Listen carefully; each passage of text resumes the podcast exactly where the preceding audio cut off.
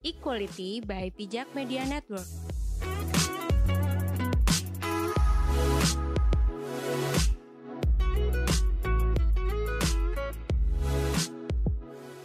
Halo, selamat pagi, siang, dan malam. Halo, Eh, ini siapa ya kok langsung nyaut? Pangeran Kalong.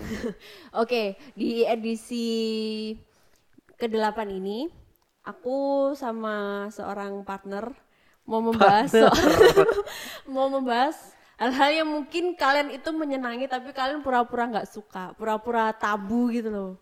Apa tuh? Ya, apalagi kalau bukan seks. Wah, betul sekali.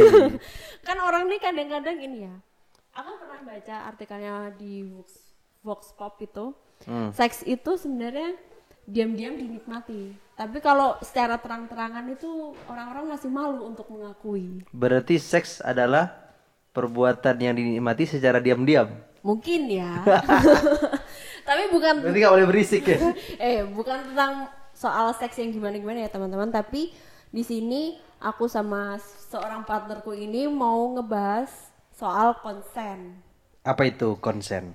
Nah, konsen sendiri sebenarnya adalah tanda persetujuan ya. Which is itu adalah yes dan yes. Hmm. Jadi misalnya ada dua sejoli ketika apa ya, ketika memutuskan untuk berhubungan seks, yaitu s- keduanya harus sama-sama sepakat, sama-sama setuju gitu. Nah, seks eh seks lagi. Kok ngomongnya malah jadi seks ya? Iya nggak apa-apa. Oke, contoh simpelnya itu konsen tadi tuh misalnya eh kamu nggak boleh ngambil makanan orang lain sebelum orang itu memperbolehkan. Hmm. Jadi kayak misalnya apa ya misalnya eh aku minta makananmu dong kalau nggak boleh ya itu bukan konsen. Oh gitu. Kalau misalnya boleh oke lah itu konsen. Itu contoh simpelnya ya. Berarti kalau di bidang seks gimana itu? Bidang seks. Ya misalnya eh, seorang pacar ingin memegang tangan pasangannya. Hmm. Itu ya nanya dulu dong, aku boleh nggak megang tanganmu? Oh gitu. Jadi kaku banget dong kalau Ya, mau orang pa- orang pacaran mau pegang tangan, aku mau pegang tanganmu ya. Enggak, tapi kan ini ada contoh simpel gitu loh. Apakah kamu setuju? Iya. Masa gitu? Ya misalnya tiba-tiba seorang pacar memegang tangan pasangannya. Iya. Kalau tangannya langsung ditepis berarti kan itu bukan konsen karena dia nggak suka. Oh gitu. Iya dong, itu yang harus dipahami. Saya berarti untuk memastikan benar-benar kalau pasangan kita itu sudah setuju dengan eh, kemauan kita misalnya pengen megang tangannya nih. Mm-mm-mm. Tapi biar nggak kaku tuh gimana dong? Eh, untuk memastikan aja jadi nggak kaku. Apakah aku boleh memegang pipimu? Oh tidak boleh. Drama banget ya. Sebenarnya sih oh, nggak harus dengan pernyat apa pertanyaan kaku seperti itu ya, tapi ya namanya mimik, mimik wajah, terus gerakan tangan atau apa namanya, hmm, pokoknya dari gerak tubuh gitu. Itu kan sebenarnya harusnya kita udah paham dong bahwa orang itu setuju atau enggak. Kalau misalnya seorang pacar ingin memegang tangan pasangannya, Iya. kalau tidak ada reaksi apa pun, ya bisa jadi itu adalah dia setuju untuk dipegang tangannya. Tapi buk, kalau misalnya kalau seorang pacar menyentuh tangan pasangannya, nah kalau misalnya ya pokoknya kerasa gitu loh antara apa namanya setuju atau enggak, suka atau enggak kayak gitu. Dan kamu yang misalnya pacar itu tadi pengen megang tangan ya, kamu paling nggak ya nanya juga misalnya nggak apa-apa kan aku pegang tanganmu atau gimana? Kamu suka nggak gitu atau apalah gitu. Hmm. ya nggak harus kaku banget apakah kamu setuju? Ya kali Berarti kalau tadi misalnya diem gitu katamu, berarti dia berarti setuju berarti. ah salah Lah kan katamu tadi gitu. tapi kan Kan ada tuh ada satu kasus tuh kan pernah pernah viral kayaknya aku pernah baca gitu. Eh, jadi ada laki-laki memulai gitu kan, memulai memulai melakukan hubungan yang intim dengan dengan seorang perempuan yang itu lagi tidur bareng gitu. oke Terus perempuannya diam aja. Jadi dia teruslah eh, dianggapnya ya oke-oke aja gitu ceweknya. Iya, tapi kan balik lagi seperti yang aku bilang bahwa apa ya namanya diam itu bukan tanda persetujuan ya tolong di garis bawahi di stabilo di bold di italic di underline bahwa diam itu bukan tanda persetujuan Terus tanda tapi apa? kan aku sudah bilang tadi bahwa tan misalnya kamu tahu orang itu setuju atau enggak itu bisa dilihat dari mimik wajahnya gerakan tangannya atau bahasa tubuhnya kayak gitu misalnya aku nggak suka aku pasti bilang kayak gitu loh Hmm. itu kan bisa dipahami dan jangan serta merta misalnya kalau pacarmu uh, udah setuju untuk pegangan tangan atau berpelukan tapi bukan berarti pacarmu itu juga setuju untuk melakukan hal-hal lain gitu Oh, maksudnya izin eh, apa ya? Tanda persetujuannya nggak cukup sekali. Misalnya eh, ya udah kan udah bisa nih pegang tangan berarti cium juga bisa dong gitu. oh jangan Hah? nggak nggak bisa gitu Oh, nggak bisa gitu? nggak bisa karena memang itu bukan hanya sekali tapi memang beberapa kali ketika ada kontak fisik terutama ya Hmm. gitu ya misalnya gini misalnya ya contoh paling simpel ya kalau sebelumnya aku ngebolehin kamu ambil makananku Aku. ya misalnya Oh. misalnya Hmm. tapi bukan berarti besok besok aku juga suka kalau makananku kamu ambil Hmm, gitu ya. paham nggak Iya paham. Oh, oke. oh ya, terus eh, konsen itu ja- jangan selalu diartikan dalam hubungan pacaran doang ya. Karena menikah pun yang kita tahu bahwa hubungan itu adalah legal sah di mata agama itu juga butuh konsen. Duh, gimana kan namanya nikah, itu kan? Mm-mm. Itu kan udah ada akadnya dan lain, udah ada prosesinya. Berarti setelah itu ya udah legal semua dong. Maksudnya kan udah ada persetujuan di awal. Kok masih harus di awal tuh gimana konsen-konsen lagi? Persetujuan di awal tuh hanya karena akad gitu kali ya. Lah kan udah setuju menikah nih. Heeh. Ya kan? Ya udah berarti kan udah sa- apa ya sama-sama konsen tadi itu udah sama-sama yes. Waduh, Sah, pemikirannya gitu kan. gitu loh. kan tadi aku sudah bilang Eh, konsen itu tidak hanya terjadi sekali.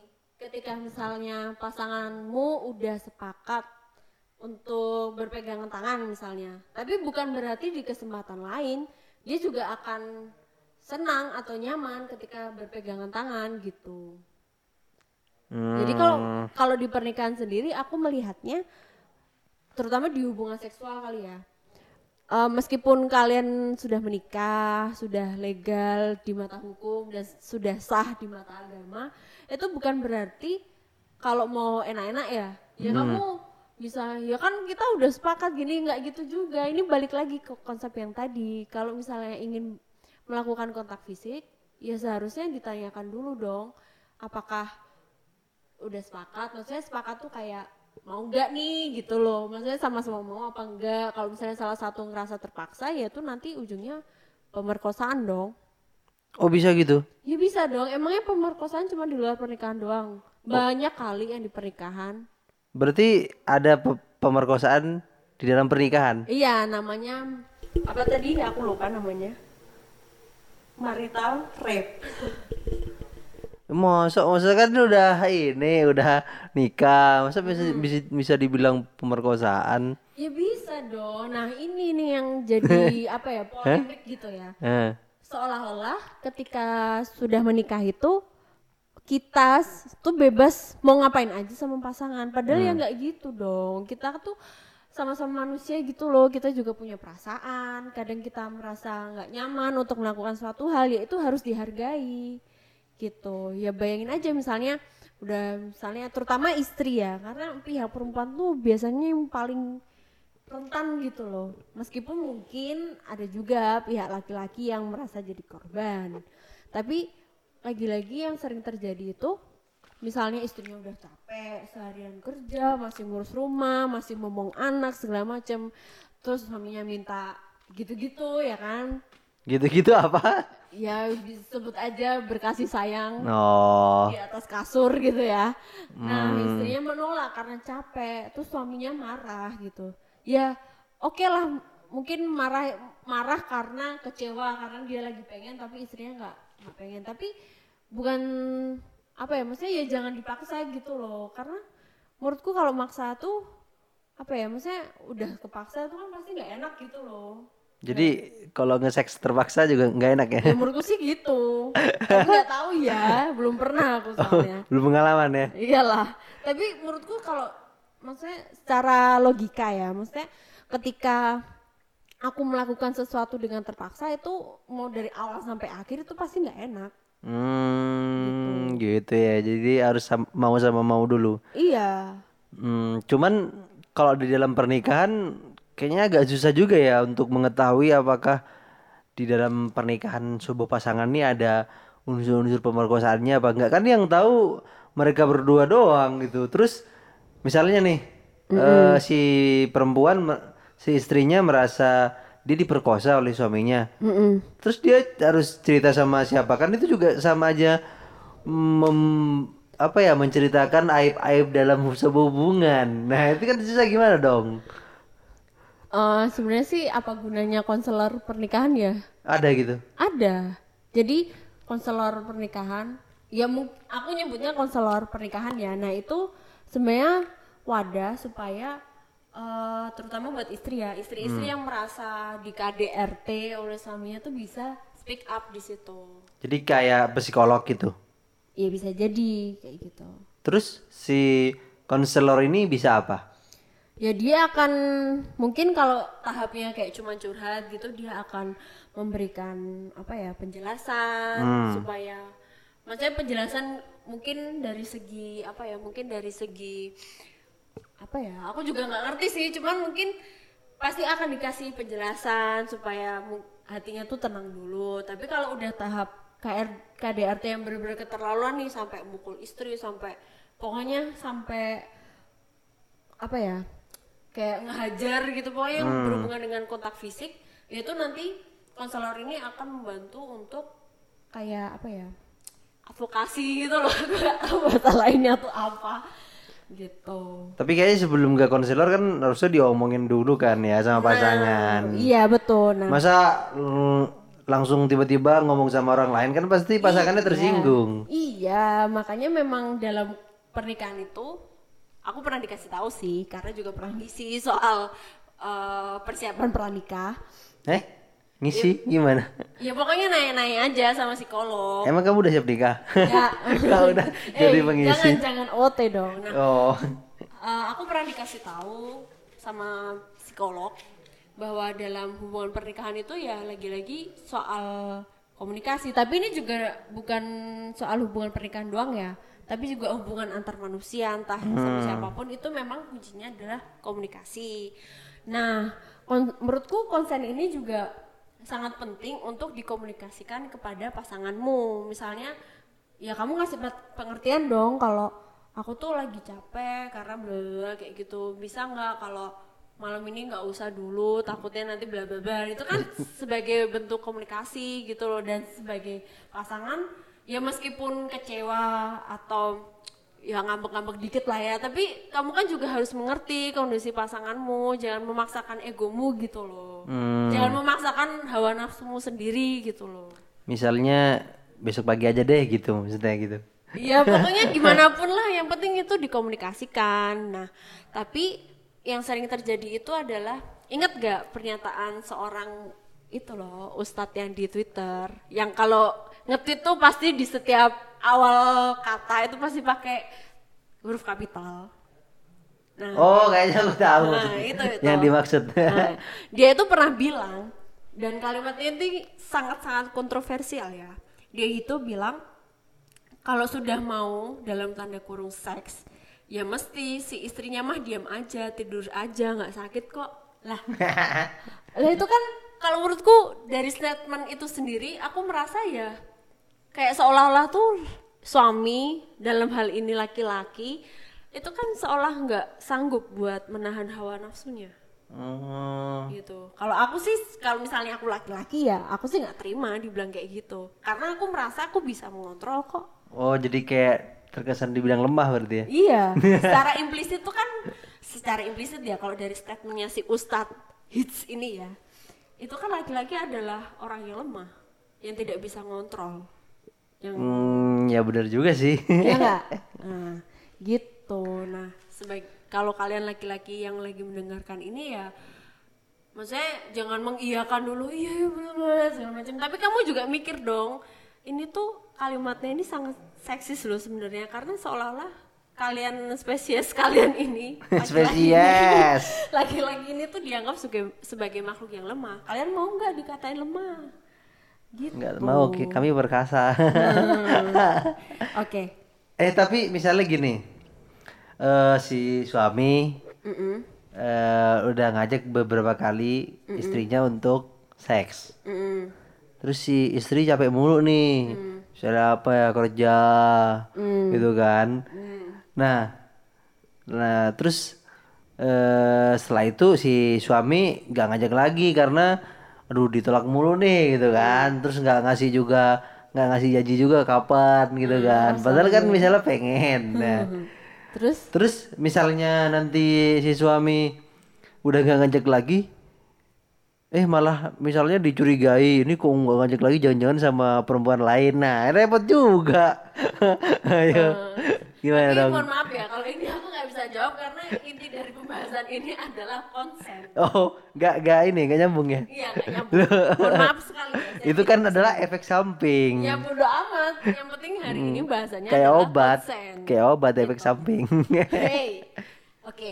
Nah, sebenarnya sendiri eh, kalau aku baca-baca juga eh, hubungan seks dan antara istri dan suami atau mungkin pasangan itu juga selain konsen itu juga harus diingat loh bahwa ya hubungan itu kan ka- harus apa ya dilandasi dengan berkasih sayang, lemah lembut. Ya kali kalau misalnya kamu memaksakan suatu hal dan orangnya itu terpaksa, mau sampai kapan pun dia akan merasa nggak nyaman dan hubungan itu tuh ya udah cuman sekadar lewat doang gitu loh, hanya kepuasan sesaat gitu. Padahal kalau misalnya sama-sama mau, sama-sama enak, sama-sama merasa nggak terpaksa, ya itu bukannya malah apa ya lebih langgeng gitu ya dalam tanda kutip. ngomong-ngomong kenapa sih kok kesannya itu eh kayak apa ya per- di dalam banyak kasus tuh eh, perempuan yang menjadi korban dari maksa memaksa ini gitu loh itu menurutmu kenapa sih kok bisa terjadi hal kayak gitu gitu? karena kan ya memang eh, ada juga yang laki-laki sebagai korban pemaksaan dalam hubungan seks tapi kenapa eh, banyak yang perempuan gitu Mm-mm. Mungkin nggak mungkin juga sih karena emang udah penelitian ya. Sorry, guys. Ehm, kenapa perempuan itu istilahnya lebih rentan ya? Hmm. Karena ya mau gimana pun selalu ada anggapan bahwa perempuan itu warga kelas 2 alias alias the second sex. Maksudnya gimana tuh? Ya perempuan itu misalnya dalam konteks pernikahan ya, perempuan itu dianggap sebagai properti suami, sehingga suami itu merasa kayak ya gue berhak ngapain aja dong sama dia karena kan dia udah aduh kok ngomongnya aku kepikirannya jahat banget ya ya kan aku udah ngasih apa maksudnya aku udah aduh jahat banget aku mau ngomongin tapi aku nggak tahu Ah, ya ya gue berhak ngapain dong sama dia karena kan gue udah ngasih mahar istilahnya kan gue kayak ngebeli dia gitu loh Hmm, Gitu. Kayak aset dong berarti ya. Nah, ini kan tadi aku udah bilang, istri itu dianggap sebagai properti suami. Makanya suami itu kayak berhak melakukan apa aja buat istri padahal hmm, apa namanya? Padahal ya ini kan soal relasi kuasa ya. Hmm. Gitu. Orang aku tuh pernah baca di apa ya di sebuah artikel salah satunya dia mengutip tentang riset dari Partner for Prevention dari PBB. Hmm. Nah, biasanya tuh laki-laki atau suami yang memerkosa pasangannya, dia tuh merasa ya itu tadi, ya aku tuh udah, aku tuh berhak ngapain aja sama kamu karena kamu tuh udah aku beli loh dari bapakmu, dari keluargamu, atau enggak dalam tanda kutip ya. Sorry tuh saya ini mungkin agak kasar, tapi aku nggak tahu untuk menggambarkan secara gamblangnya pakai kalimat apa. Tapi karena itu tuh jadi apa ya namanya karena dia merasa dia tuh berkuasa karena dia udah ngebeli gitu ya dalam tanda kutip dia tuh ya udah nggak peduli lagi soal konsen gitu ya bodoh amat yang penting kamu harus mau kayak gitu loh Mungkin eh, kalau kasusnya di Indonesia itu tidak se ekstrim itu ya, tapi Iya, heeh. memang eh mungkin si suami merasa dia sebagai eh, pemimpin keluarga Nah, gitu-gitu. tapi kan kalau pemimpin itu kan udah menandakan relasi kuasa Lah iya, maksudku kan nggak se ekstrim itu, tapi seperti itu cuman halus kan. Iya. Jadi eh, suami mungkin tidak beranggapan bahwa dia membeli istrinya dari orang tua istrinya. iya Tapi karena udah menikah, jadinya si suami merasa bahwa eh, dialah yang memimpin istrinya ini. Jadi dia merasa bisa melakukan apa pun agar eh, keluarganya ini menuju suatu eh, suatu yang dicita-citakan gitu. oh, sesuai dengan kehendaknya dia kan Ah, berarti. jadi kan tidak ada ruang komunikasi kan yang setara, ya kan? Termasuk hubungan seks. Iya, Berarti menyambung yang konsen tadi gitu kan. Jadi eh, suami nggak perlu lagi merasa harus mendapatkan persetujuan Mm-mm. dari istrinya misalnya kalau udah capek ya mungkin dipaksa kalau misalnya dipaksakan nggak mau biasanya dengan merayu. Tuh. nah itu. Dengan itu pemaksaan secara halus nih. Ya makanya. Ya lagi-lagi kan ketika pemerkosaan terjadi itu sebenarnya soal relasi, relasi kuasa ya. Bahwa ada pihak yang merasa berkuasa nih. Karena dia mungkin merasa bahwa aku nih pemimpin keluarga loh. Aku nih orang besar loh. Kayak gitu loh. Yang bisa eh, apa ya mengat, membuat per- berbagai peraturan dalam keluarga misalnya. Hmm, kayak gitu padahal sebenarnya dalam sebuah hubungan tuh lagi-lagi soal komunikasi bahwa eh, antara pasangan yang eh, pasangan lagi antara manusia yang satu dengan yang lainnya tuh juga punya hak untuk menyuarakan pendapatnya gitu loh. Hmm. Bukan bukan lantas misalnya kamu sudah menikah terus kamu juga berhak untuk mengatur apa pun gitu loh ya itu kan harus dikomunikasikan lagi apakah ya mungkin saja yang kamu anggap benar itu belum tentu benar bahkan bikin orang lain nyaman gitu Iya namanya manusia bisa salah ya. Ya, tapi kan itu tidak bisa diwajarkan oh gitu. meskipun salah Oh, meskipun iya. salah dan tidak tahu tapi lama-lama juga nggak bisa diwajarkan dong harus dikasih Ya enggak tahu. maksudku manusia bisa salah makanya perlu mendengarkan suami perlu mendengarkan istri perlu mendengarkan Iya, anak gitu. betul, gitu Ngomong-ngomong emang kalau eh, berhubungan seks secara terpaksa tuh ada efeknya gak sih? Hmm, nggak tahu ya, karena aku belum merasakan. Oh ya. Tapi oh iya aku bertanya kepada orang yang salah berarti. iya makanya. Tapi aku pernah membaca artikel dan dia mengutip hasil penelitian dari Consent and Coercion Examining Unwanted Sex Among Married Young Women. Panjang amat tahu nggak ngerti itu Ya apa. pokoknya intinya ada riset yang mengatakan bahwa kalau istri menolak melakukan seks Hmm. entah alasannya karena capek, lagi mens atau lagi nggak mood gitu kan. Mereka biasanya malah merasa terutama ya kalau di dalam batinnya pasti dia nggak nyaman. Hmm. Tapi itu juga berpengaruh buat organ vitalnya gitu loh. Karena kalau misalnya terpaksa katanya sih itu bakal sakit karena ya namanya misalnya kalau melakukan seks itu kan paling nggak kan harus suka sama suka, nyaman sama nyaman, enak sama enak kan. Hmm. Nah, kalau misalnya salah satu tidak merasakan itu semua, itu kan pasti akan tegang, akan takut, cemas segala macam dan itu yang membuat apa ya? Berhubungan itu tuh jadi suatu hal yang menyakitkan gitu. Karena tidak rileks dari pikiran maupun dari hati itu tidak rileks. Nah, ada juga yang bilang kalau misalnya berhubungan seks dengan terpaksa itu jatuhnya tuh malah apa ya? Malah bikin permasalahan baru gitu loh Apa tuh? misalnya ya aku nggak mau tapi dipaksa terus nah itu ujung-ujungnya malah bisa bikin sakit hati terus nanti membubuk rasa dendam gitu loh wah aku kok merasa dipaksa terus sih itu kan malah kayak meregangkan hubungan gitu loh padahal dalam hubungan tuh ya semua orang pasti pengen langgeng kan Tapi kalau misalnya ada satu hal yang bikin dia sakit hati, nggak nyaman, itu kan malah memunculkan masalah baru bahwa ah orang ini tuh ternyata tidak mau mendengar aspirasiku, tidak mau mendengar suaraku. Jadi ya buat apa dilanjutin misalnya kayak gitu atau mungkin hmm, orang ini egois banget deh. Padahal aku tuh udah bilang nggak mau, tapi kalau dia terus-terusan maksa, ya berarti emang dia tuh or, bukan orang yang tidak mau berkompromi. Akhirnya hubungan itu renggang terus putus atau mungkin kalau suami istri nanti bercerai hanya karena alasan seks.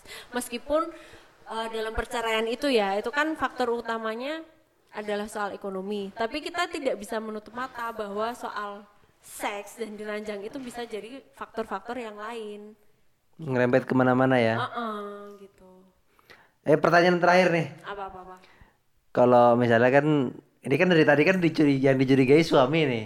Iya. Kalau suami emang lagi pengen terus uh, istrinya lagi gak mau terus, terus suruh gimana dong?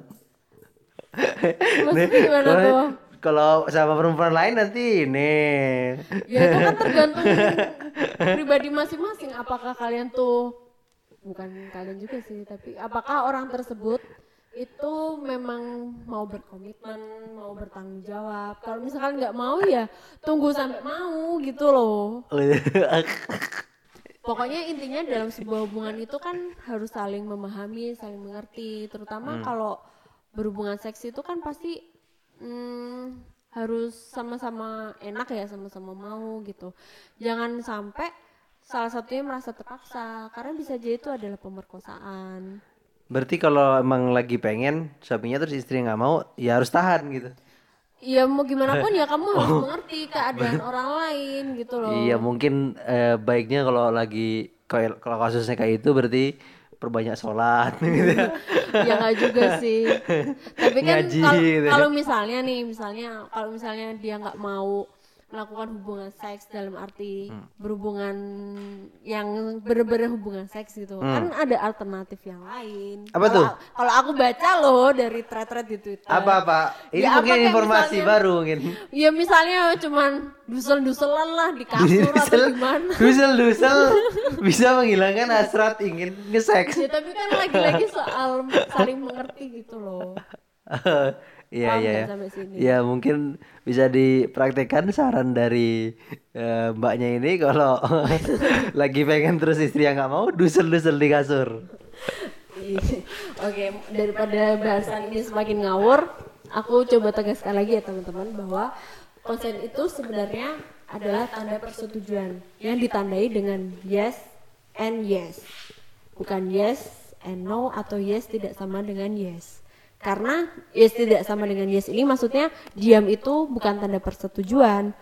Bisa jadi diam itu karena dia takut atau dia emang susah buat ngomong. Ya lagi-lagi harus memastikan apakah dia tuh benar-benar benar-benar mau benar-benar setuju benar-benar nyaman yaitu. Dan konsen itu bisa uh, hanya bisa dilakukan dalam keadaan sadar kalau misalnya pasanganmu lagi tidur, lagi mabok, terus atau lagi galau, lagi depresi, ya itu jangan jangan ditanya mau banget karena itu pasti dia tidak sadar melakukan itu.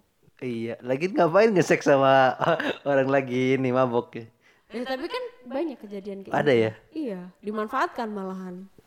Karena nggak mabok, apa karena mabok, makanya nggak sadar gitu. Oke teman-teman, semoga bahasan ini bermanfaat buat kalian. Jangan bermanfaat berpikir... sebagai panduan seks. Pokoknya intinya adalah konsen itu adalah yes dan yes. Hmm. Jangan diasumsikan bahwa kalau diem itu setuju segala macam, jangan. Kalian harus benar-benar memastikan bahwa apa yang kalian lakukan itu juga nyaman dan bikin orang lain tuh tidak merasa terpaksa gitu loh. Oke. Okay. Sampai jumpa di episode selanjutnya. Terima kasih ya sudah menemani. Oke, sama-sama. Dadah. Bye bye.